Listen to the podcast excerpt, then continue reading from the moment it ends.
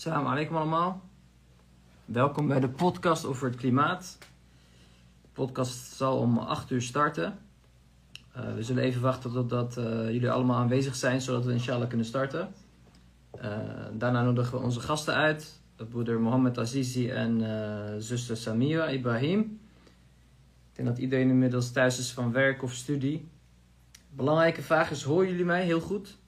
Inshallah kan misschien een, uh, iemand reageren in de chat of ze mij goed horen. Ik ben nu met mijn iPad. Normaal zit ik met mijn mobiel online. Kan er iemand reageren of, of ik goed verstaanbaar ben?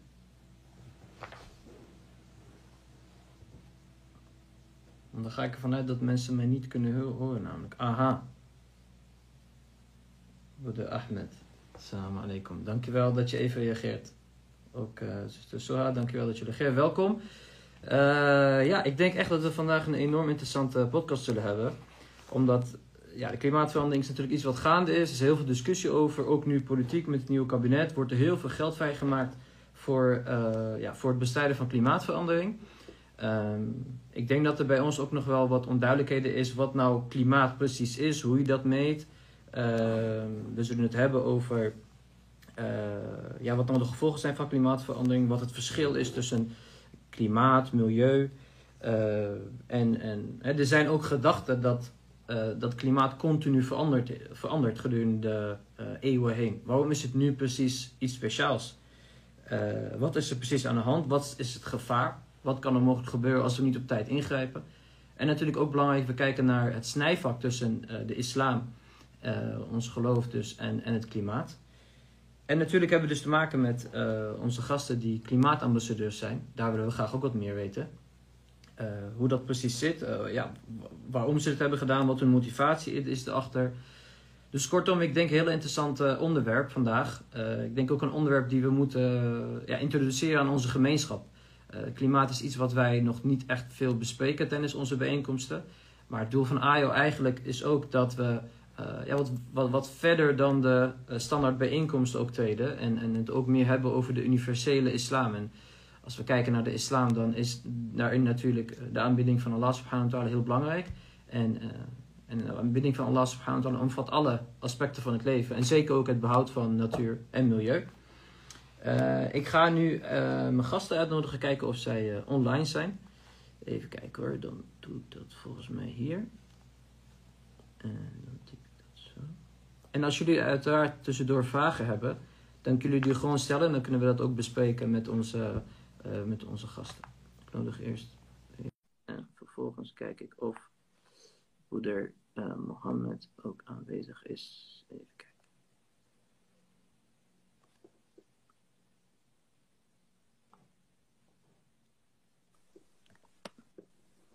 Even kijken. Assalamu alaikum, zuster Samia. Goedenavond. Assalamualaikum, Mustafa, goedenavond. Hoor je mij goed? Ik hoor jou goed, dus ik hoop dat de anderen ons ook horen. En dan ga ik inmiddels uh, Mohammed ook uitnodigen. Even kijken wat zijn account ook alweer was. Als het goed is, zou hij ook online moeten zijn. Uh, ja, ik zie het inderdaad. Hij is online. Ik nodig hem uit. Nou, welkom bij uh, deze podcast.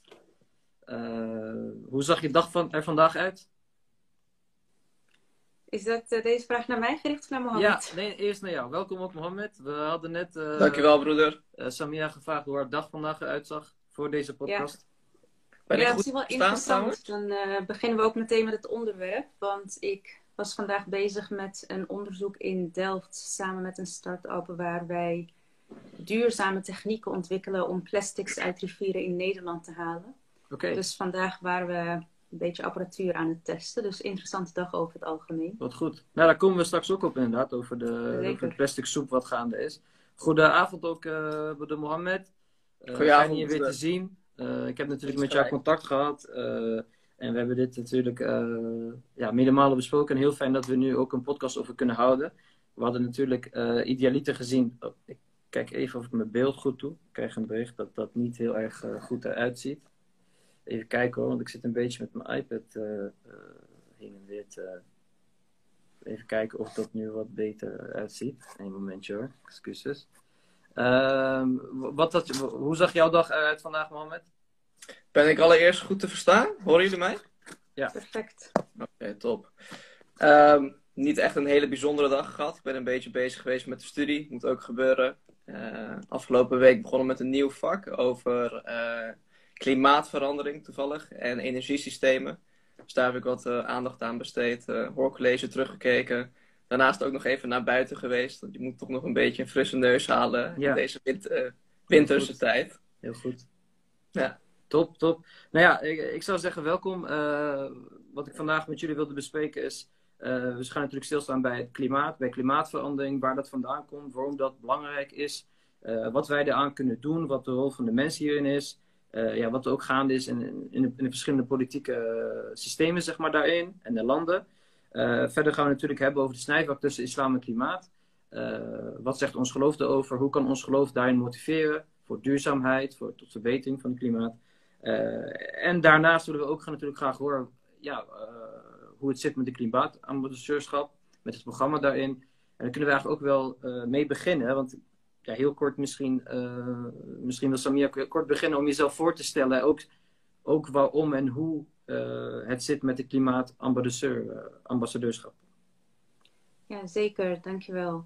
Uh, mijn naam is dus Samira Ibrahim. Ik ben half Nederlands, half Egyptisch. Ik ben in Nederland geboren en opgegroeid. Daarna ben ik geëmigreerd naar Egypte. Ik heb ook twaalf jaar in Egypte gewoond. En daar is eigenlijk mijn passie voor water aangewakkerd. Uh, iedereen weet natuurlijk dat de Nijl door Egypte stroomt, langs de rivier uh, van de hele wereld. En ook echt een belangrijke bron voor Egypte. Ze zeggen altijd zonder de Nijl geen Egypte. Uh, maar die is ontzettend vervuild. Dus dat heeft mij echt gemotiveerd om mij tijdens mijn studies als ingenieur echt te richten op watermanagement. En ik heb daarnaast ook islamitische theologie kunnen studeren, me kunnen verdiepen in de Arabische taal en ook uit die theologische hoek kennis kunnen meekrijgen. Daarna ben ik teruggekomen naar Nederland in 2015 om een master watermanagement te doen aan de TU Delft. Uh, daarnaast ook internationale betrekkingen gestudeerd aan het Klingendaal Instituut. En ik zie mijzelf eigenlijk als een verbinder tussen verschillende mensen, culturen, uh, maar ook uh, disciplines. Dus ik probeer in mijn werk met betrekking tot duurzaamheid en de klimaattransitie ook echt um, een verbinding te leggen tussen de religieuze en theologische perspectieven, voornamelijk het islamitisch perspectief, maar ook de technische hoek en de maatschappelijke en politieke aspecten die erbij komen kijken. En uh, sinds, nee, sinds oktober ben ik ook samen met Mohammed dus onderdeel van het Klimaatambassadeursprogramma. Uh, dat heet Klimaatambassadeurs van de Toekomst vanuit het ministerie van Economische Zaken en Klimaat. En misschien is het leuk als Mohammed zich even voorstelt en dat we het daarna over het programma gaan hebben. Ja, zeker. Dankjewel voor je, voor je voorstelling. Vertel, uh, Broeder Mohammed. Ja, mooie introductie allereerst Samira. Um, ik ben uh, Mohammed, 23 jaar, kom uit Zoetermeer en op dit moment bezig met mijn master duurzaamheidsmanagement aan de Universiteit Leiden. Uh, ik heb een bachelor in uh, internationale betrekkingen, ook wel internationale politiek. En ehm, sinds dit jaar eigenlijk begonnen met mijn nieuwe master, omdat ik op zoek was naar wat meer verdieping op politiek vlak, maar ook wel omdat ik de behoefte had om mij wat meer te onderscheiden. Dus ik had al natuurlijk wat, wat, wat kennis over bestuurskundige vraagstukken en over politiek. En de inspiratie is eigenlijk bij mij ook gegroeid om wat meer te gaan inzetten voor duurzaamheid en het klimaat. daar kan ik straks nog wel wat over vertellen, Mustafa. En um, ja, samen met mijn lieftallige collega Samira ben ik klimaatambassadeur van de toekomst. Samen met vijf andere mede-ambassadeurs. En dat initiatief is eigenlijk vorig jaar gestart door de vorige klimaatgezant. En de klimaatgezant die is eigenlijk een soort van de vertegenwoordiger van de Nederlandse overheid. En die werkt eigenlijk binnen verschillende ministeries, zowel buitenlandse zaken, economische zaken. Het is eigenlijk een speel in het web. En de vorige klimaatgezant Marcel Beukenboom, die voelde ook de behoefte om jongeren wat meer te betrekken binnen zijn werk omdat hij natuurlijk met heel veel mensen in contact was, heel veel gesprekken aanging met, met mensen in het veld. Maar hij realiseerde zich natuurlijk ook dat klimaatverandering zich op een uh, lange tijdshorizon uh, afspeelt. Ja. En dat jongeren daarin ook een stem verdienen. En uh, zodoende is eigenlijk dit, dit ambassadeurschap ontstaan. Um, en onze taak is eigenlijk om de klimaatbubbel te vergroten. Dus om het onderwerp te introduceren bij een bredere doelgroep. En um, uh, toen, uh, toen de sollicitatie zeg maar, uitstond, uh, was ook een van de criteria dat je als, als sollicitant zelf ook niet al te actief ben, bent geweest op, de, op dit gebied. Dus eigenlijk willen ze op twee, op, twee manieren grenzen verleggen en de bubbel doorbreken. Ten eerste voor jezelf, omdat je heel veel leert tijdens het klimaatambassadeurschap. Je volgt allerlei cursussen en je komt op mooie plekken. En ten tweede is het de bedoeling dat je met een eigen project die je opzet ook uh, de klimaatbubbel vergroot en uh, meer bewustwording creëert. Ja, nou, dankjewel Moment ook voor jouw introductie en zeker ook al een brede uitleg over wat het programma inhoudt. Ik vind het leuk om te horen dat ze dus specifiek mensen zochten die nog niet eigenlijk veel ervaring hadden op dit gebied. Ehm, dat is wel leuk uh, om te horen, zeg maar. Dus dat het ook echt heel belangrijk is voor jullie om, om hierin zelf te groeien. Um, en uiteraard ook, ja, als je erover nadenkt natuurlijk, is, is, is de klimaatverandering met name iets wat de jongere generaties natuurlijk erg gaan ervaren. En uh, helaas uh, waarschijnlijk mogelijk heel negatief dus. Daar komen we dus eigenlijk zo op. Nou, we hebben jullie motivatie gehoord voor, voor de duurzaamheid. Verschillende verhalen natuurlijk. Samir wat meer ook vanuit de ervaringen in, in Egypte. Ehm, daar komen we straks ook meer op. Maar laten we even gelijk de koe bij de, bij de hoorns vatten, zoals ze dat zeggen. Ik heb me vandaag nog even verdiept uh, daarin. Uh, een aantal video's gekeken. En uh, dan kom je eigenlijk op het begin op, op een aantal begrippen uit. je komt op klimaat uit en op milieu uit. Kunnen jullie misschien kort uitleggen wat daarin het verschil is? Wat, wat, wat wordt nou gezien als klimaat en wat wordt gezien als uh, milieuproblemen. Mm -hmm. Wil jij het doen, Samira, of uh, zal ik aftrappen? Uh, we, kunnen, we kunnen alle twee samen op de vraag antwoorden. Dus ik kan misschien beginnen, dan kan jij het zo meteen verder oppakken, Mohammed. Maar ik vind het super leuk, Mustafa, dat je met, deze, dat je met dit punt begint. Ja. Ik zal trouwens heel kort mijn naam ehm, nog verduidelijken. Uh, mijn naam is uh, Mushtaba, vanuit Imam Hassan al-Mushtaba. Dus dat is een iets andere ah. naam dan Mustafa. Ja, ja. Oké, okay, excuses. Ja. Maar goed dat nee, je het zegt. Maar super bedankt ja, voor... Ja. Dus super bedankt voor de vraag, want uh, dat vind ik een hele leuke. Omdat als we het hebben over klimaat en klimaatverandering, dan hebben wij eigenlijk altijd een beeld dat dat iets is van de afgelopen vier, vijf jaar en dat we nu pas mee bezig zijn. Terwijl het woordje milieu, dat is juist het woord wat vele jaren geleden al werd ingezet en gebruikt. Dus uh, milieuvervuiling, dat is iets wat we echt al jaren horen en waar de vorige generaties ook mee bezig waren. Dus uh, in dat optiek vind ik het goed dat we dit gesprek hiermee starten, omdat ik het altijd wel belangrijk vind om een beetje de, ja, de, de dat klimaat iets is van de afgelopen jaren of waar we de afgelopen jaren pas mee bezig zijn. Het... Ben ik nu weer terug? Ja, je bent nu weer goed verstaanbaar. Oké. Ehm, maar als we het hebben over het milieu, dat is eigenlijk wat, we, wat in het Engels ook het woordje environment is. Dat is gewoon echt de, de natuur en alles wat ons omgeeft. Dus ehm, de natuur is onderdeel van uh, het milieu. Um, uh, en het, het, klimaat wordt ook wel uh, gezien als onderdeel van het milieu. En klimaat, dat is dus het woordje climate, dat, is, dat heeft eigenlijk te maken met de omstandigheden en het weer en dergelijke. Dus um, uh, met, als we het over weer hebben, dan hebben we het vaak over het weerbericht van een dag, weer uh, van uh, de komende week. En het klimaat, dat is eigenlijk alle weeromstandigheden, met, maar dan ook op groter niveau. Dus um, ook als we kijken naar de geschiedenis en uh, dus op groter niveau, zowel qua plek als qua tijd. Dus uh, zoals ik al zei, als we het hebben over het weer, dan kijken we naar het weer in, uh, in Nederland voor morgen of overmorgen. Maar als we het hebben over klimaat, dan heb je dat echt, heb je het over de weeromstandigheden, maar dan in veel grotere schaal. In een trend, zeg maar ook. In, verschillende, in, in, een geologische schaal. Ook, Juist, maar ook, in een, ook qua time, time frame.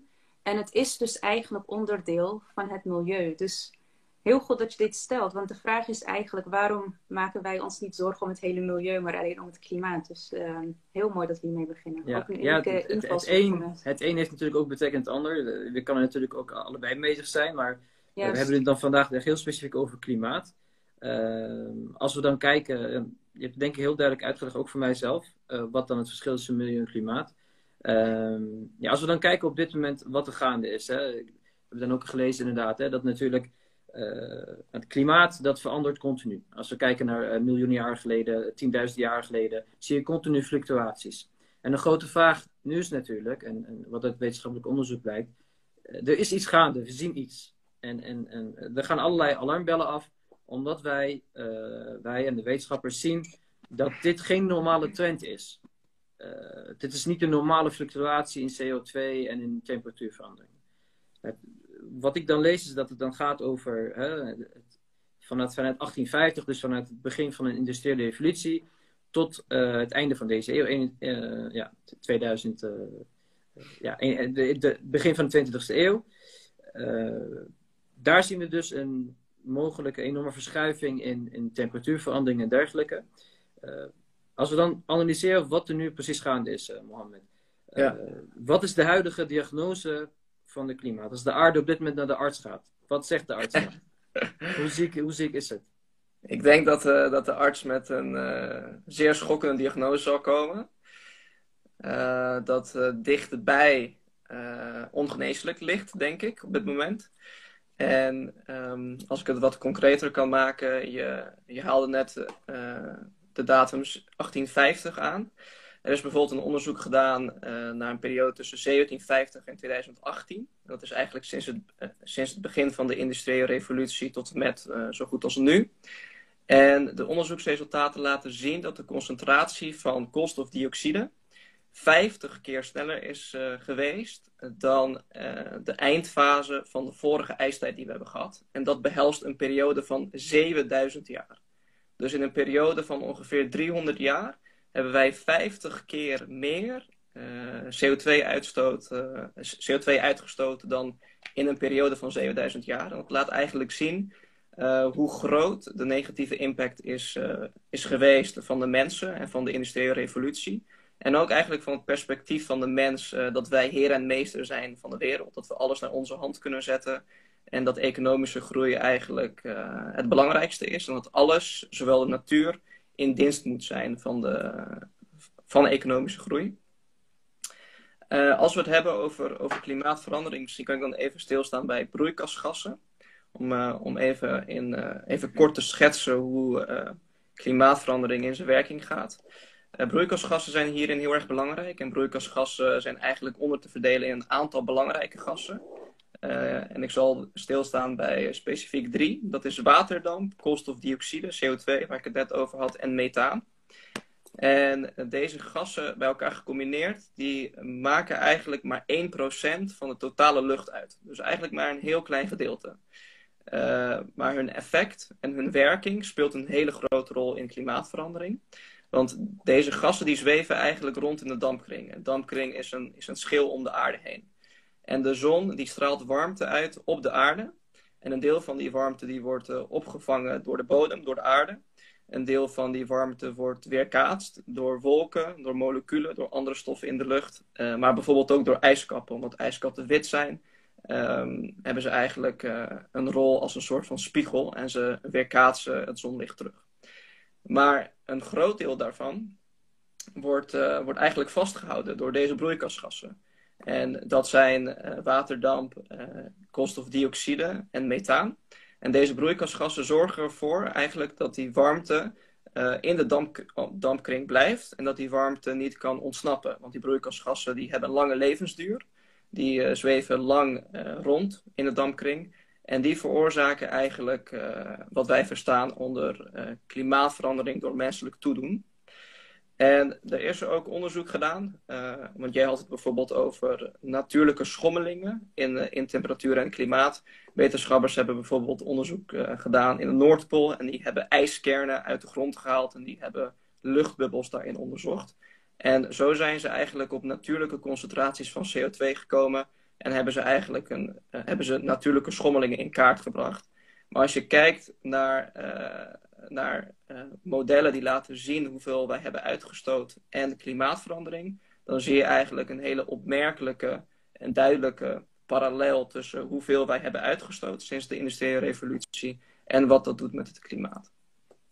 Ja, nee, ook duidelijk wat je zegt, uh. En ook uh, goed in kaart gebracht, denk ik ook. Inderdaad, wat de invloeden dan zijn op dit moment ook van die gassen.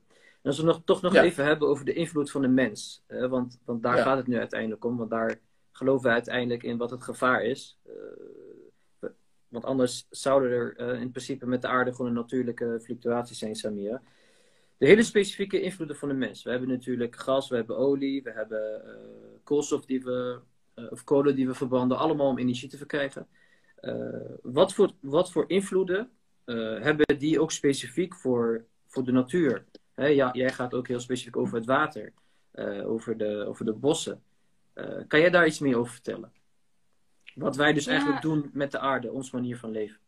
Ja, dan denk ik dat het misschien uh, fijn is als wij deze vraag beantwoorden om even om voor te stellen alsof we even in een uh, ruimte, ruimteschip of zo gaan en even op afstand naar de aarde kijken. Dus als we dan eh, op afstand naar de aarde kijken, dan ook vanuit religieus perspectief geloof ik van um, God heeft ons, heeft de aarde geschapen, heeft daar allerlei uh, middelen voor de mens uh, achtergelaten, heeft daar de natuur geschapen. En uh, er komen een paar mensjes op aarde die God ook geschapen heeft en op aarde plaatst. Ja.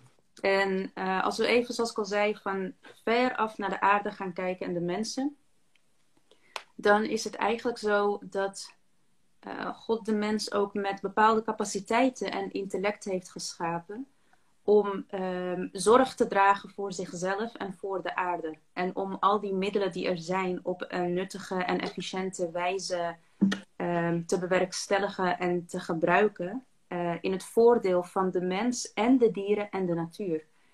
Uh, maar wat wij dan zien, vooral de afgelopen jaren, is dat de mens eigenlijk zo doorgeslagen is in het willen overheersen, consumeren, produceren Um, en dat we eigenlijk de, diezelfde middelen die uh, ons zijn gegeven om ons te laten bloeien, bij wijze van spreken, en ook uh, zorg te dragen voor de dieren om ons heen en de natuur om ons heen, dat wij die middelen zijn gaan misbruiken.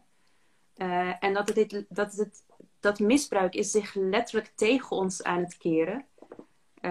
ik zie het ook echt alsof als we dan toch van ver naar de aarde kijken, de, de aarde is letterlijk aan het schreeuwen. Dus uh, die, die rampen, overstromingen, alles wat er gaande is, alsof de aarde aan het schreeuwen is van stop met mij op deze manier uitbuiten en misbruiken en ga terug naar je initiële missie, namelijk die zorg dragen voor jou als mens, maar ook voor de dieren en voor mij als aarde. Ehm, dus ik, grond, grondstof op zich en alles wat, wat, wat wij gebruiken en wat we doen, dat is, dat is aan zich niet slecht. Alleen in welke mate en met welk doel. En is de manier waarop wij willen leven in de 21ste eeuw in het Westen, is dat wel de juiste manier die ook het meest recht doet aan de mens en aan de rest van de aarde en aan alles wat we hebben. Um, dus dat is ook een van de dingen als we het hebben over. Ja, ik heb, ik heb watermanagement gestudeerd. En het woord zegt het al, watermanagement. Je hebt water en je gaat het managen. Je gaat ermee om. Uh, vooral omdat er nu ook heel vaak wordt gezegd van ja, uh, is er nog wel genoeg water binnenkort op aarde voor de mensen enzovoort. Ja, met name zoetwater. Ja. ja, je hebt natuurlijk heel veel stemmen die ook zeggen er is altijd, zijn er genoeg middelen voor de mens. Alleen omdat een klein groepje mensen heel veel van die middelen misbruiken, uh, is er niet genoeg. En uh, hebben het ook over zaken als watervervuiling en, en dergelijke. Dus, um, dus ik, ik vind het altijd best wel belangrijk als we het hebben over milieu, klimaat, die complexe vraagstukken, om af en toe een beetje afstand te nemen, even ogen dicht doen, verbeeld jezelf als uh, ergens in de ruimte, kijkend op de aarde en wat er dan werkelijk gebeurt. En dan denk ik dat ook als we het nu in deze sessie naast de theologische handvaten die we kunnen meegeven, naast de wetenschappelijke feiten die we kunnen meegeven, het is uiteindelijk een kwestie van uh, veranderen van ons perspectief op leven en veranderen van ons uh, handelen. Uh, dus al die wet wetenschap die wij opdoen, al die kennis, al die theologische invalshoeken, filosofische perspectieven, um, ja, de hoop is, de wens is dat het de mens ergens raakt in diens hart, intellect, om ook echt tot gedragsverandering te leiden. Ja, maar dus als ik daar op mag ingaan, zodat ik je onderbreek. Het is wel interessant wat je zegt over de menselijke wil om te willen veranderen. Uh, vanuit jouw perspectief, vanuit jouw ervaringen, je hebt zo in Egypte gewoond, je hebt nu in het, ja, ik zeg, het Westen gewoond, dus je ziet ook twee verschillende culturen.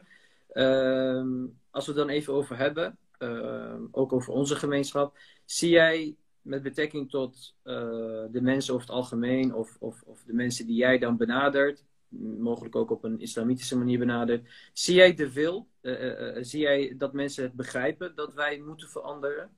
Um, en zo ja, ja, eigenlijk dat, laat, laat, ik beginnen met de eerste vraag. Zie jij de wil bij de mensen dat ze willen veranderen? En doen ze dat ook?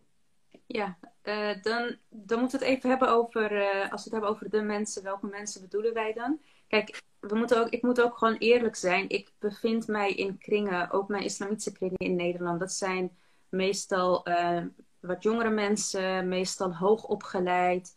Ehm, ja, best wel bezig ook met wat zich afspeelt in de wereld, die zich bewust zijn van bepaalde zaken. En daar zie ik zeker een enorme drive om, om te veranderen, om uh, andere mensen ook mee te nemen in die verandering. Ik krijg daar zelf ook enorm veel energie van. Maar zoals ik al zei, ik, ik geloof wel dat ik zelf ook in een bubbel zit. Want ik weet ook dat, uh, dat er buiten mijn uh, hoogopgeleide kringetje met mensen die het financieel best wel oké okay hebben, die niet hoeven na te denken of ze de volgende dag nog een uh, dak boven hun hoofd hebben of uh, eten op tafel hebben. Het is gewoon een feit dat wanneer sociale omstandigheden veranderen, wanneer de economische omstandigheden veranderen en wanneer ook um, ja, niveau van opleiding verandert, omdat sommige mensen nou niet eenmaal de mogelijkheden hebben om zich verder te ontwikkelen, dat je besef van de urgentie van bepaalde zaken ook verandert. En dat vind ik ook een heel belangrijk punt. Aan de ene kant geloof ik echt heel sterk van elk mens heeft een bepaalde individuele verantwoordelijkheid om gewoon eh, om, om dingen goed te doen, om goed te handelen, om te veranderen waar en wanneer het nodig is. Maar aan de andere kant vind ik ook dat we ook wel zicht moeten hebben op systemen in landen die bepaalde uh, zaken in stand houden. Dus als, we, als we het over een land hebben als Nederland en de Nederlandse overheid, dan denk ik, er is ook gewoon een, een politieke rol en een, een rol die weggelegd ligt bij bepaalde instanties om mensen die misschien nu de wil niet hebben vanwege hun omstandigheden, om die wel een handje te helpen uh, met financiële middelen in hun situatie om ook die veranderslag te maken, zeg maar. Ja, ja interessant wat je, wat je zegt en ook over jouw ervaring. Ik snap goed wat je bedoelt, dat je zegt dat je in een bubbel leeft. Uh, we gaan natuurlijk allemaal natuurlijk om met de mensen die vaak ook een beetje gelijk aan ons zijn of in dezelfde sociale klasse inderdaad. Daar komen we zo meteen ook op terug. Uh, als we het hebben over uh, vanuit islamitisch perspectief. Nog even wat meer verdiepgaande. ja, Samia zei het net al, Mohammed. Ehm, over dat de politiek een belangrijke rol speelt. Als we ook kijken naar systemen en landen. Ehm, ja, dus nog even terugkomen als we het hebben over de gevolgen. We zien ontbossing. Uh, minder, minder bomen betekent dat er minder CO2 wordt opgenomen. Uh, ja, waarom is er ontbossing? Omdat er in dat opzicht ook meer uh, veeteelt nodig is om vlees te produceren. We zien dat ijs smelt. IJs, dat houdt ook CO2 vast. minder ijs, hoger waterniveau. Eh, eh, meer CO2 in de lucht. Zo kunnen we doorgaan over de verzuring, over de koraal, over de biodiversiteit. Maar als we het nu hebben over de politiek, en dan speelt daarin, maak even een stap naar het, het, verdrag uh, van Parijs. ja, heel kort gezegd voor de mensen die, daar, die dat niet weten, daar, daarin wordt dus afgesproken met ja, volgens mij tegen de 200 landen dat er voor 2050 dat de temperatuurstijging beperkt wordt tot anderhalf graden het liefst, maar waarschijnlijk tot 2 graden Celsius. Ehm, wat, wordt er, wat is er precies afgesproken in dat verdrag? Wat houdt dat in? Ehm, en, en, en wat zijn de plannen op dit moment vanuit de politiek, uh, vanuit de afspraken, om dus daadwerkelijk uh, op burgerniveau, zeg maar, of op bedrijfsniveau, op landniveau, zoals Samir dat heeft, om nu die klimaatverandering tegen te gaan? Ja, ik denk, zo, ik denk dat je het al goed hebt aangegeven en de kern hebt benoemd als het gaat om het, om het Parijsakkoord. Uh, in 2015 is toen afgesproken dat temperatuurstijging eigenlijk beperkt moet worden tot anderhalve graad Celsius. Dat is eigenlijk de, de, rode lijn gepasseerd mag worden. Um, helaas zijn er wel door, door recente onderzoeken aangetoond dat de kans groot is dat die lijn wel gepasseerd gaat worden. Dus vandaar dat er wordt gesproken over 1, 1,5 graad tot 2 graden Celsius. Um, en daarnaast worden er ook internationale conferenties georganiseerd, zoals bijvoorbeeld COP26. En daarin komen um, allebei één die het klimaatakkoord hebben ondertekend. Dat zijn bijna alle landen, ongeveer 200 zoals je zei. En de laatste kop was uh, volgens mij zo'n twee maanden geleden. En de klimaatgezant van Nederland, uh, Gem de Bourbon de Parme, was daar ook aanwezig. Dat is onze mentor. En die heeft, uh, die heeft ook eigenlijk ons een inkijkje gegeven over hoe het daar in zijn werk gaat. Je moet het zo zien dat het eigenlijk een verzameling is van heel veel staatshoofden. Uh, hun politieke assistenten. Er zijn ook heel veel lobbyisten bij. Al moet ik wel zeggen dat bij de, bij de afgelopen COP26 vanuit de fossiele industrie zijn geweerd. Maar heel concreet en praktisch gezien heb je dan bijvoorbeeld uh, verschillende zones waar die mensen bijeenkomen. Je hebt uh, volgens mij een blue zone en een green zone. En een van die zones is eigenlijk alleen maar voor de, voor de top officials, dus de staatshoofden en de hoofdonderhandelaars.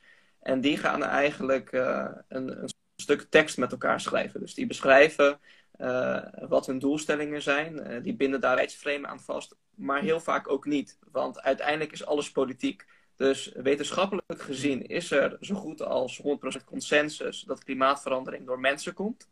97% van alle klimaatwetenschappers onderschrijft dat.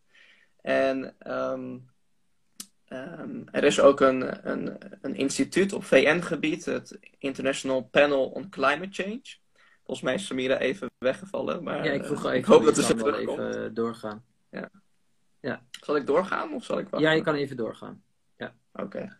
En dat is eigenlijk het belangrijkste orgaan als je het hebt over wat kan de politiek doen. Dat is een verzameling van uh, de meest toonaangevende wetenschappers op het gebied van klimaat en milieu. En die schrijven elke, uh, volgens mij elke vijf jaar schrijven zij een heel breed en lang rapport over de stand van het klimaat over biodiversiteit, over die tipping points die jij aangaf. Dus bijvoorbeeld bosbranden, uh, bosbranden komen door klimaatverandering, de temperatuur stijgt. Als een bos in de fik vliegt, uh, dan komt alle koolstofdioxide die door de bomen uh, gedurende de afgelopen decennia zijn, zijn vastgehouden, die worden weer vrijgelaten. En dat zorgt voor meer temperatuurstijging. Dat heb je bijvoorbeeld ook met ijskappen die smelten. Dat zorgt ook weer voor meer klimaat. Die tipping points worden bijvoorbeeld ook uh, in de rapporten van de IPCC uh, eh, beschreven. Maar het is wel, um, het is wel uh, afhankelijk van het politieke proces. Want uiteindelijk zijn staatshoofden, minister-presidenten, premiers, presidenten, die zijn degene die bepalen welke koers we gaan varen. En die hebben ook invloed op wat er in die rapporten staat. Dus het is niet alleen wetenschappelijk wat wij weten, maar er is ook ja. een, een hevig lobbyproces. Uh, wat parallel daaraan uh, ook uh, invloed uitoefent.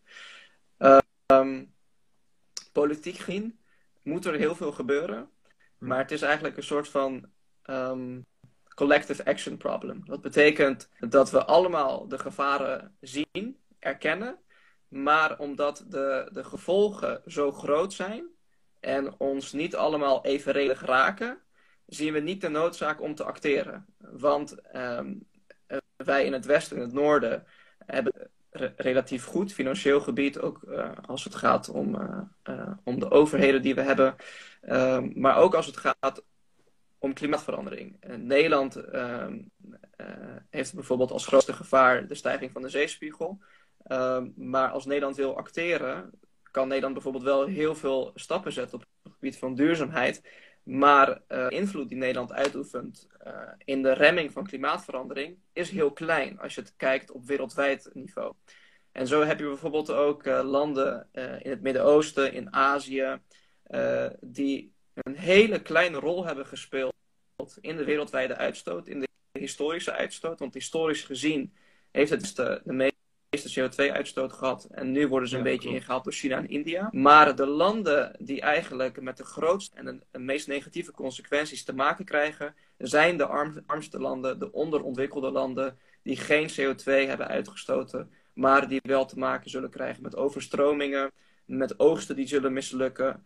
Uh, met hitte droogtes, uh, ja. en droogtes en ook enorme vluchtelingenstromen. Er, zijn, er is bijvoorbeeld uh, is, is onderzocht en we weten dat in 2021 als gevolg van klimaatverandering dat er 200 miljoen klimaatvluchtelingen zullen zijn. Alleen klimaatvluchtelingen.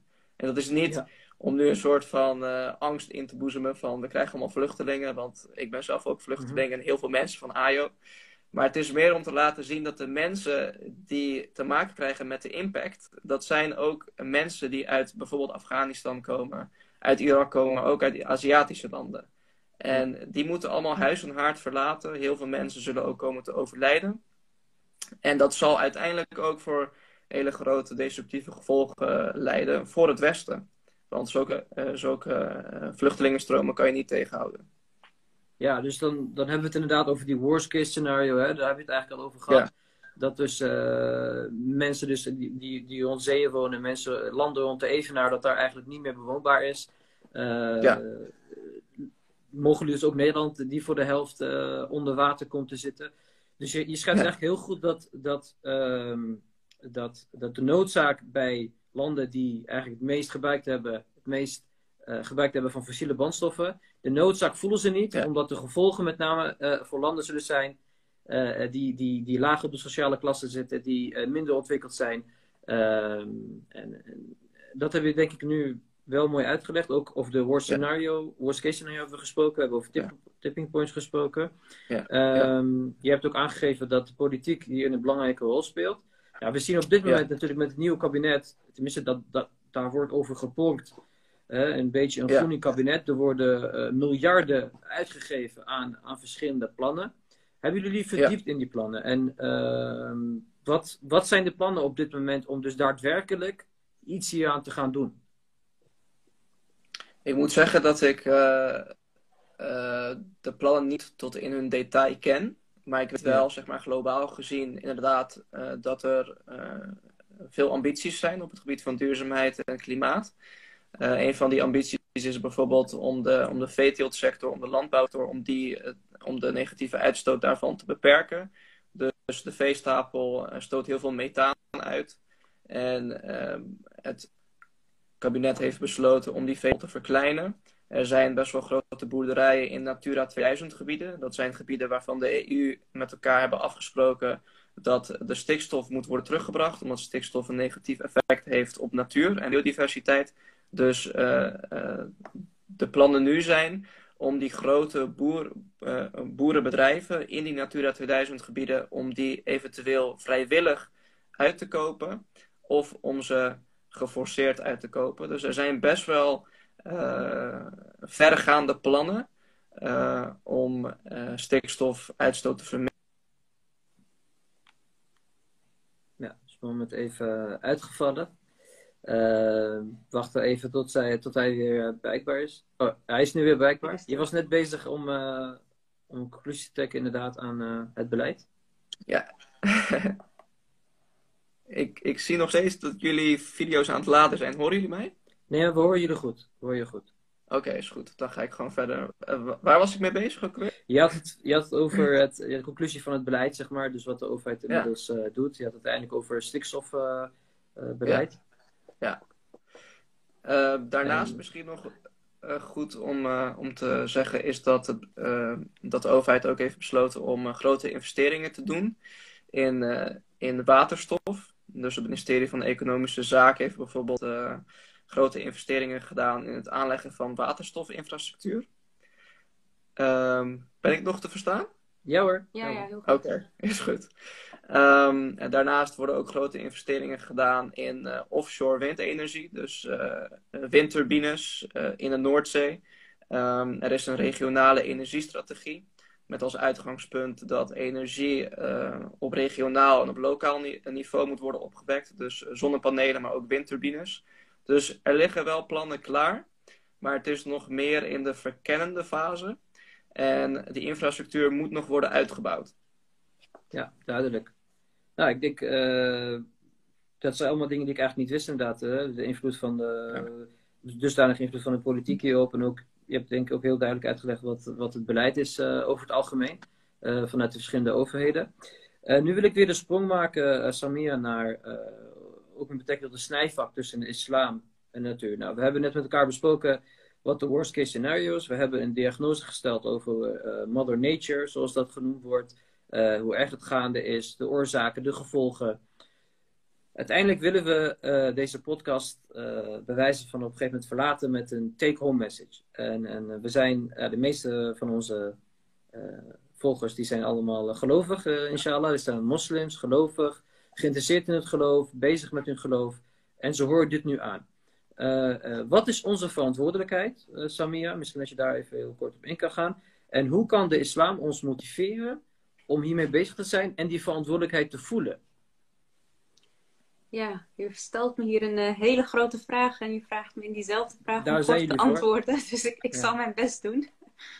um, kijk, het is, het is een, een, eigenlijk een feit vanuit islamitisch perspectief dat je, je kan niet zeggen uh, dat je het niet kan hebben over islam en duurzaamheid, islam en natuur. Want als moslim en, en in, in, vanuit een islamitisch perspectief um, is het een heel integraal, is het een hele integrale visie en is het echt uh, inherent aan elkaar om, uh, om goed voor de natuur en voor je omgeving te zorgen. Dat is gewoon een verantwoordelijkheid van elke moslim. En dat brengt ons eigenlijk naar, als we al kijken naar de beginselen van de islam, hè, dus um, de shahada uitspreken en uh, vijf keer per dag bidden nou, wat is een van de zaken die je nodig hebt zodat je gebed geaccepteerd wordt? Dat is dat je de wassing verricht voor het gebed. En dat doe je met water. En water is een van, de, van onze belangrijkste natuurelementen. En we zien al dat um, zelfs als we het over de wassing hebben, dat er dan al richtlijnen worden gegeven om geen water te verspillen. Dus um, je kan, er, wordt jou al geadviseerd tijdens de wassing om geen water te verspillen. Er wordt vanuit een islamitisch perspectief ook meegegeven, zelfs als je een stromende rivier langs je huis uh, hebt, die langs jouw huis stroomt, zelfs dan moet je gewoon zuinig met dat water uh, omgaan. Dus het niet verspillen van de middelen die uh, God ons heeft gegeven, ook water, dat is al een van de grootste en belangrijkste principes die wij meekrijgen vanuit de islam. Zelfs in relatie tot het gebed, wat eigenlijk als belangrijkste daad binnen de uh, islam, de belangrijkste daad van aanbidding wordt gezien binnen de islam.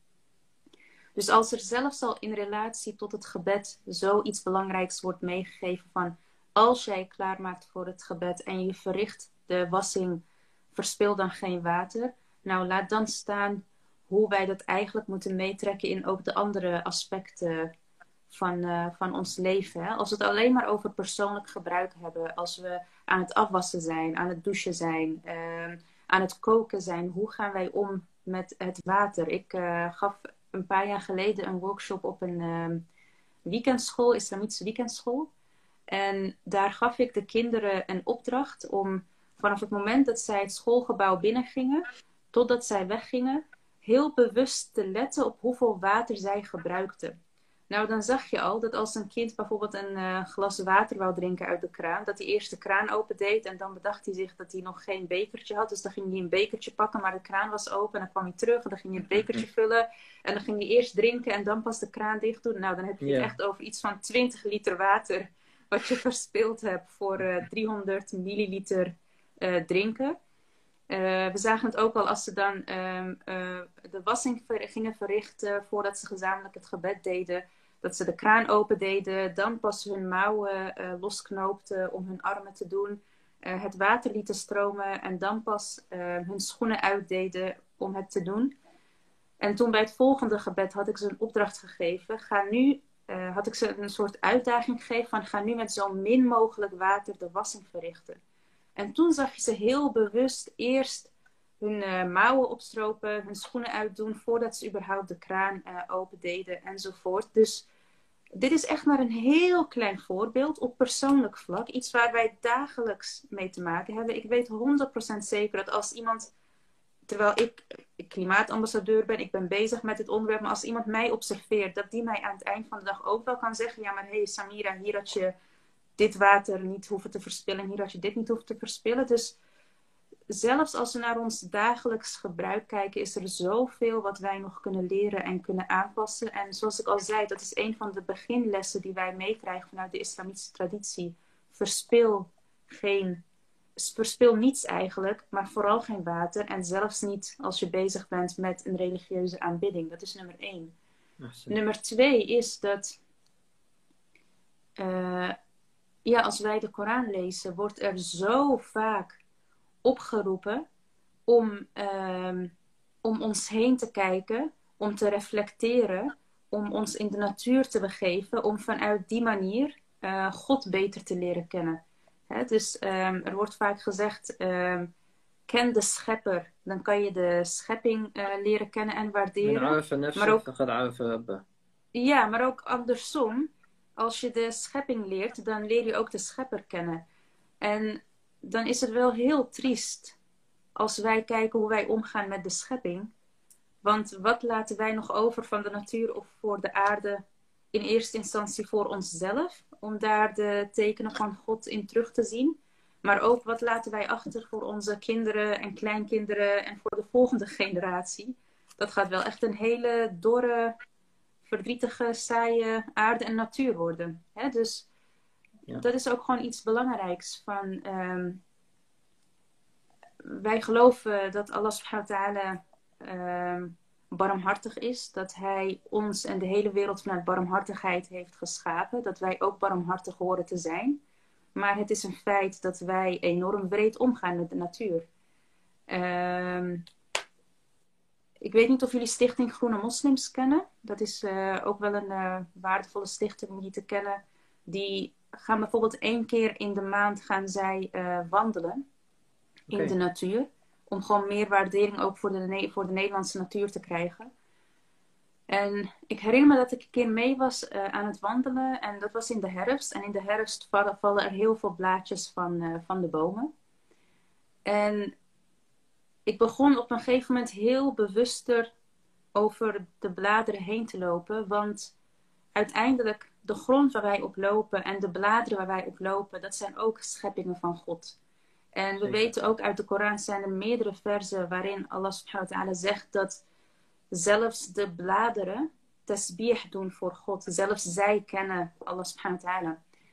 Um, en het is een feit dat uh, het zomaar kan zijn dat een blad waar wij op stappen als wij in de natuur lopen, dat die zich veel, bewust, veel meer bewust is van God en veel nederiger is richting God en misschien veel meer tasbih bericht richting God dan wij ooit zullen doen in ons leven. En, en dat besef, ik denk dat als een moslim daar echt heel bewust bij stilstaat, dat je dan niet eens meer over je hart gaat kunnen krijgen om op een vrede manier met de natuur om te gaan. Dat, dat, dat overstijgt de economische belangen, dat overstijgt um, heel veel materialistische belangen waar wij het nu ook over hebben. Maar dat, dan ga je echt zorgen voor de natuur. Niet omdat jij als mens wilt overleven, maar omdat jij gewoon echt recht wil doen. En met liefde en barmhartigheid wil zorgen voor datgene wat God om ons heen geschapen heeft. Uh, kijk, als, als wij heel erg veel van iemand houden en die persoon geeft ons iets, per definitie gaan we ook heel veel van dat cadeautje houden en zullen we er goed mee omgaan. Dus uh, ik denk echt dat vanuit een islamitisch perspectief, als een individu diens relatie met God, met Allah subhanahu wa ta'ala echt verbetert en verdiept. En God vanuit liefde aanbidt, dat je per definitie ook met liefde om moet gaan met alles wat God geschapen heeft. En een van de echt grote geleerden die wij gelukkig nog hebben op aarde is Sheikh um, uh, Hossein Nasr. Ik weet niet of jullie hem uh, kennen. Hij is een grote geleerde van Iraanse afkomst. Hij is in de VS nu. Sayyid Hussein Nasr heet hij. Okay. En hij is iemand die in de jaren zestig al de eerste is wereldwijd die het uh, begrip spirituele ecologie heeft geïntroduceerd. Uh, voordat alle westerse geleerden nog begonnen over klimaatverandering, had hij het daar in de jaren zestig al over. Hij heeft heel veel boeken online, uh, ook heel veel lessen op YouTube. Sayyid Hussein Nasr heet hij. En hij beschrijft in die boeken echt eigenlijk uh, veel beter en mooier dan ik dat kan doen. Wat ik nu probeer te zeggen, dat de hele klimaatcrisis en de milieucrisis die wij om ons heen zien, dat het eigenlijk ook een reflectie is van de spirituele crisis waar, crisis waar de mens in is uh, beland. Dat op het moment dat de mens dienstrelatie met zichzelf herstelt en met Allah subhanahu wa ta'ala herstelt, dat dan by default de relatie met de natuur wordt hersteld. Maar zolang de mens in een soort conflict of gevecht is met zichzelf en met, uh, met de schepper, dan gaat er ook een crisis zijn om je heen in de natuur. Dus dat is wel echt een Heel boek. mooi gezegd. Ja, dat is wel echt een boek en een persoon, een aanrader om te volgen en meer over te lezen en van te leren. Ja, enorm bedankt voor de tip. Ik denk, ja, wat, wat jij zei is echt heel mooi inderdaad. Als we dan, eh, wat je zei inderdaad, is voorbeeld van het water. En, en ga dan even in op, uh, op een chat die we kregen van, uh, als ik dan even terugspoelen hoor, excuses, van uh, zuster Ala, die zegt, tijdens de wassing een kom onder de kraan doen, zodat je de planten water kan geven met dat water. Dat is ook mooi om te horen. Recyclen. Um, ja, ja. Maar wat je eigenlijk zegt, je zegt inderdaad, het is een klein voorbeeld, maar daarin zit eigenlijk de essentie van ons geloof. Uh, dat jij zegt van geen tepwier, geen verspilling. Dat is, dat is iets wat we mee kunnen nemen. En het tweede wat je ook zegt is, op een gegeven moment krijgen die kinderen bewustzijn. Dus dan krijgen ze een bepaalde wa'i over wat er gaande is. En laat dat wa'i, dat bewustzijn, nou net hetgeen zijn waarop ons geloof op is gebaseerd. Uh, de heilige profeet Mohammed sallallahu alayhi wa sallam is natuurlijk niet, niet begonnen uh, met het geloof van jongens, vijf keer dag bidden, hoofddoek op, vasten, dit mag niet, dat mag wel, et. Nee, hij is begonnen met de mensen op hun ratio aan te spreken. Hij is begonnen om het bewustzijn van de mensen aan te spreken. Hij is begonnen met overleveringen waarin hij aangaf dat het reflecteren over een bepaalde daad of reflecteren over het hiernamaals veel meer waard is dan de droge aanbidding. Dus het bewustzijn creëren is, is direct eigenlijk al bezig zijn met het geloof. Dat, dat, dat zeg je heel mooi. En ik denk dat als wij op dit moment bewust zijn en als we ons inlezen over de situatie, dan komen we vanzelf tot, tot, tot, tot wat wij dan moeten doen. Als we het dan hebben over recycling of over omgaan met plastic eh, en andere aspecten. Ja, en mag ik nog vier... één ding zeggen? De, ja. Nou, omdat bijvoorbeeld de vraag die jij voor uh, dat ik aan het woord kwam aan Mohammed stelde: van heb jij het nieuwe politiek beleid gelezen? Een van de dingen die ik echt mis in onze gemeenschap en vooral in Nederland en waarvan ik denk van wij kunnen het gewoon niet maken om dit te hebben, is waarom heeft niet elke moskee in Nederland een duurzaamheidsbeleid opgericht vanuit een islamitisch perspectief? Dat, is, dat moet gewoon echt default zijn. Hè? Dus dat elk moskee gewoon een duurzaamheidsbeleid heeft. Dat elk nieuw bestuur werkt aan een nieuw duurzaamheidsbeleid. Dat, wat ik ook echt enorm mis, ik, ik probeer um, in tijden van corona lukt het niet altijd, dus doe, doe, ik het online. Maar op vrijdag probeer ik ook echt aanwezig te zijn bij Juma gebed. Ik heb sinds ik in Nederland ben, dat is nu is weer sinds ik terug ben sinds 2015. Ik heb nog nooit op een vrijdag een goedba gehoord over hoe om te gaan met de natuur. Over uh, hoe inspireert de islam ons om uh, ons in te zetten voor duurzaamheid en de natuur en een positieve bijdrage te leveren aan de huidige klimaattransitie. En dan denk ik, dat is zo makkelijk te faciliteren. Hè? Als, als een moskee gewoon een duurzaamheidsbeleid heeft om bijvoorbeeld te zeggen, elke, uh, elke, in, elke keer in de zes weken richt de imam zich tijdens het de Juma Khutbah op het onderwerp duurzaamheid en omgang met de natuur. Ja. Ehm, dat dat er echt ook vanuit de moskees trainingen komen of workshops. Hoe kan je op de meest duurzame manier je wassing verrichten? Ehm, wat doen wij met de groene tuinen om de moskee heen? Een voorbeeld waar ik bijvoorbeeld echt enorm veel waarde aan hecht, is een Indonesische moskee in eh, Den Haag, El Hikma Moskee. Hmm. En die hebben op een gegeven moment gewoon echt uh, mensen uit de buurt ingezet om de uh, plekken om de moskee heen te vergroenen.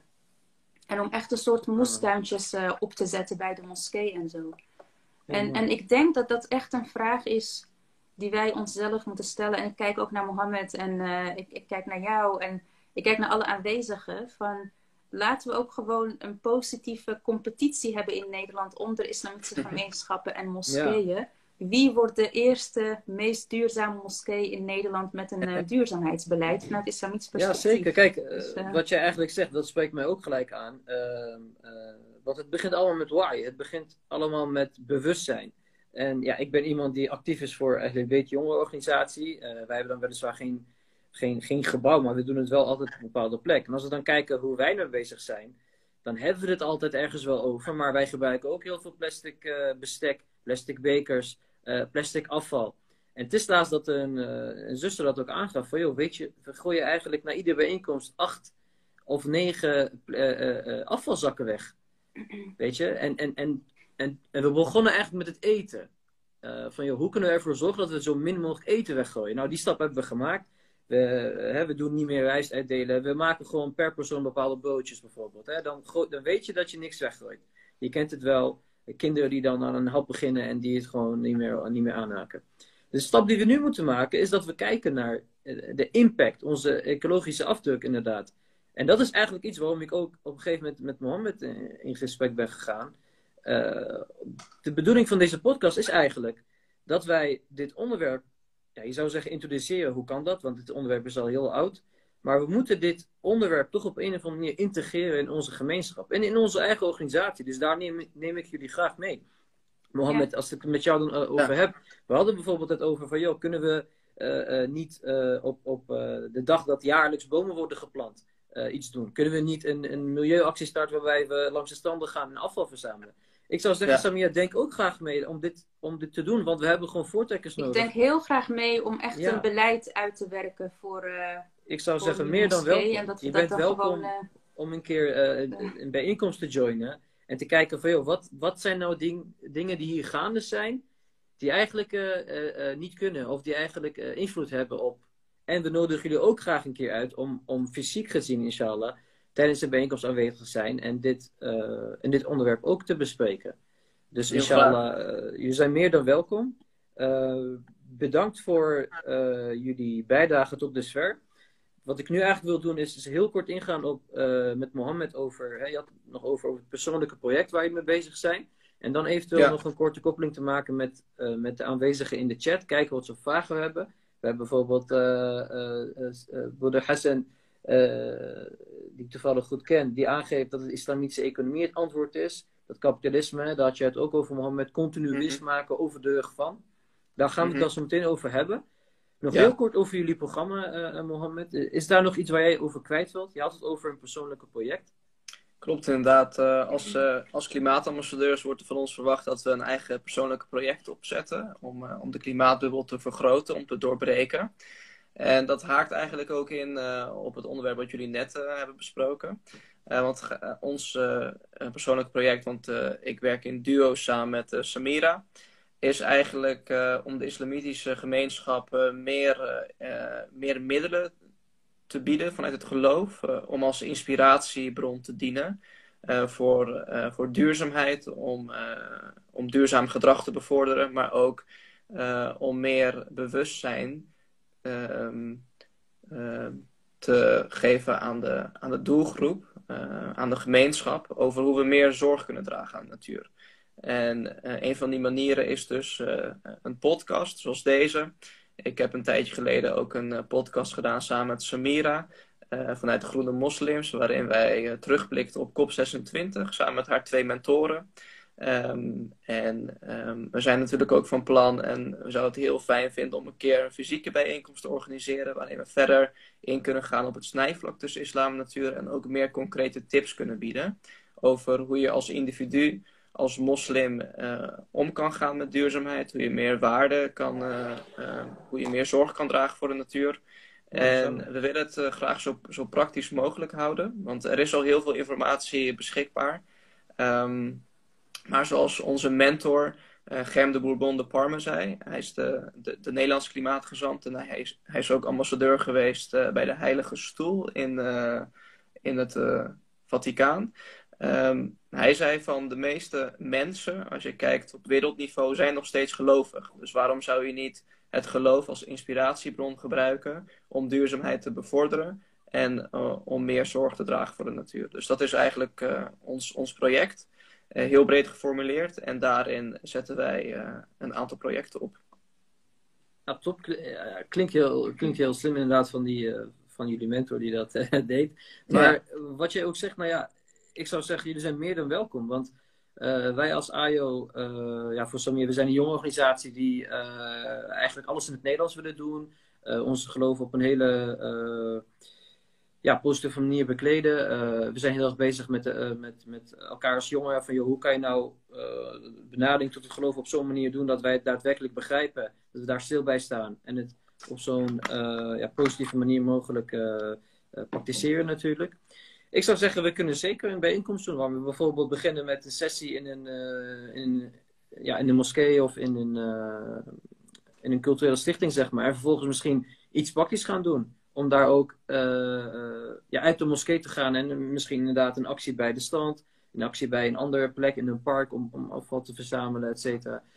Dat is, ik zou zeggen dat dat is iets waar, waar wij volledig uh, achter staan. En ik denk dat heel veel jongeren daar ook iets mee willen doen. Maar ja, je hebt natuurlijk altijd burgerbouwers nodig. Je hebt altijd mensen nodig die voortrekkers zijn om iets te doen.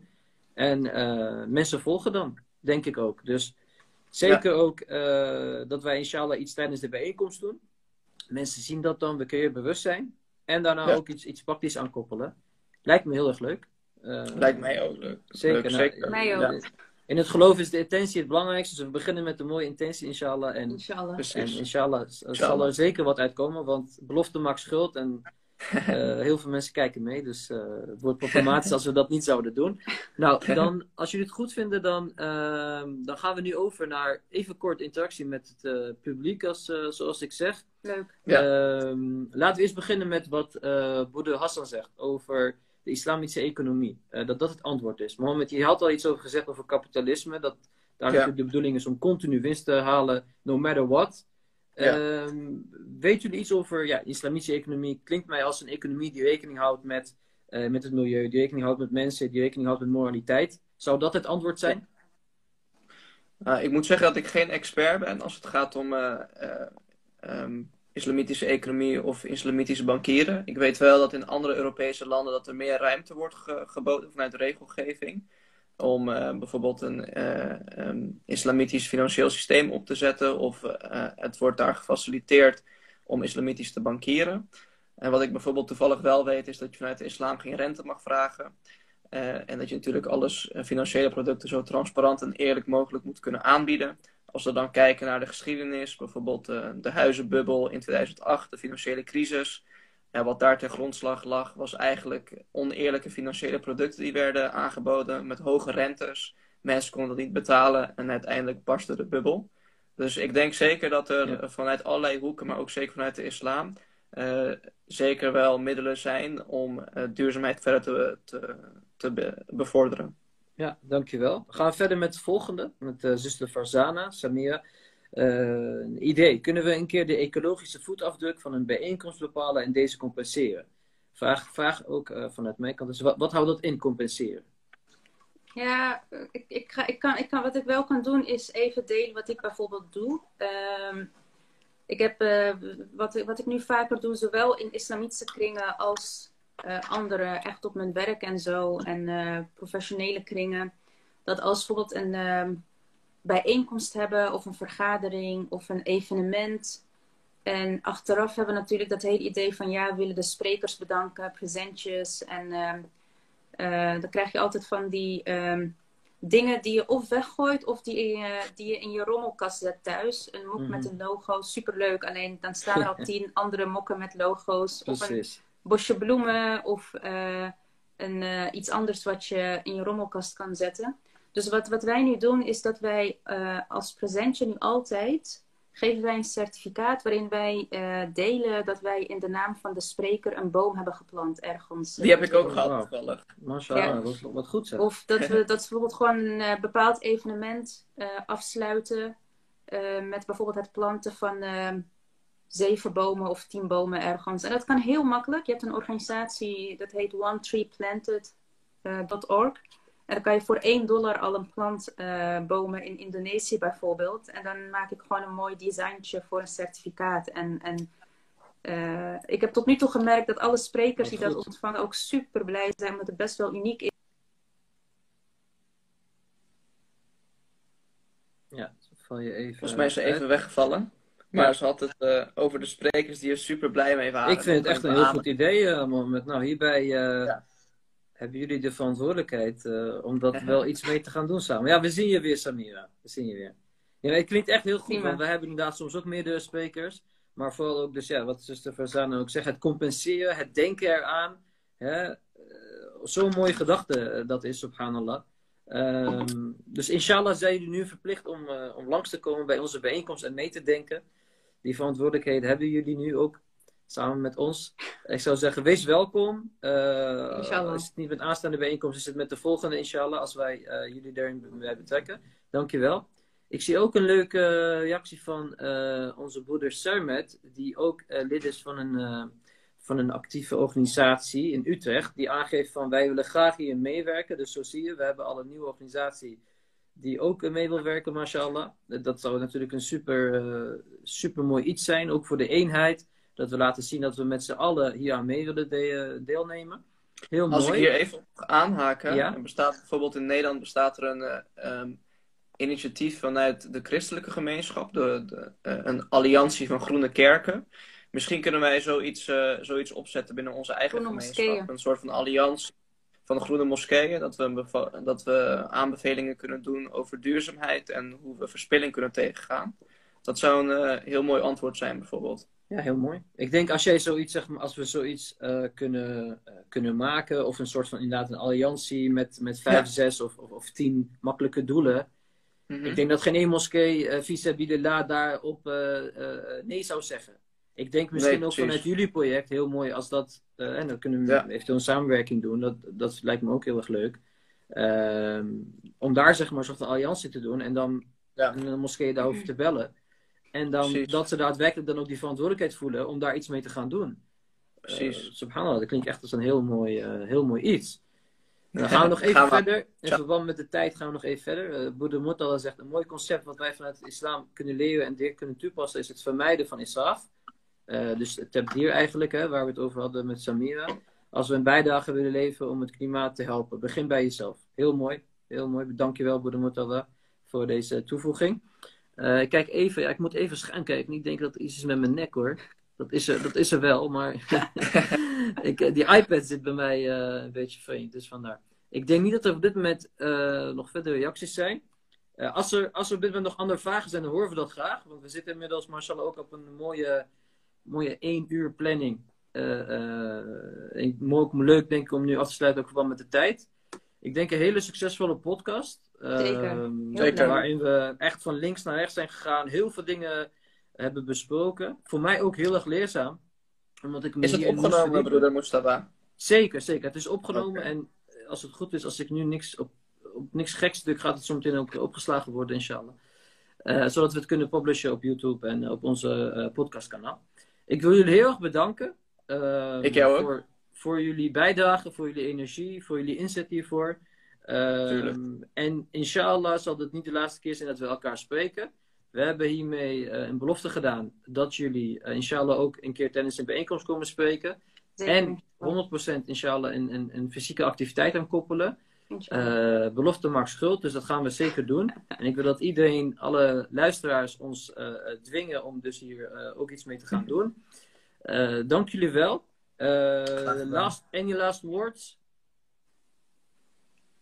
Samira, jij mag eerst. Ja, nee, echt heel erg bedankt. Ik, uh, weet, ja, ik, ik merk dat ik zelf heel veel energie van deze sessie heb gekregen. Dus ehm, bedankt voor, voor, voor jou voor het organiseren, voor uh, Mohammed voor, uh, die ook mij hiervoor gevraagd heeft, voor alle aanwezigen.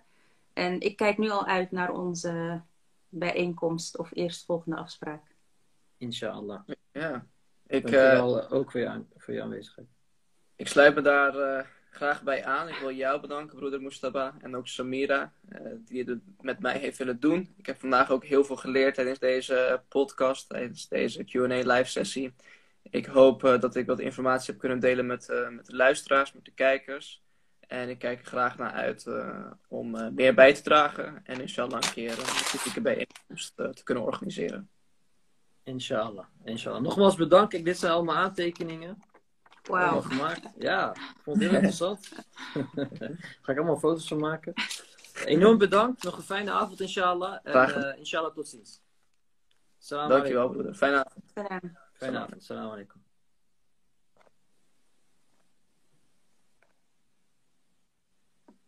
Fijne avond.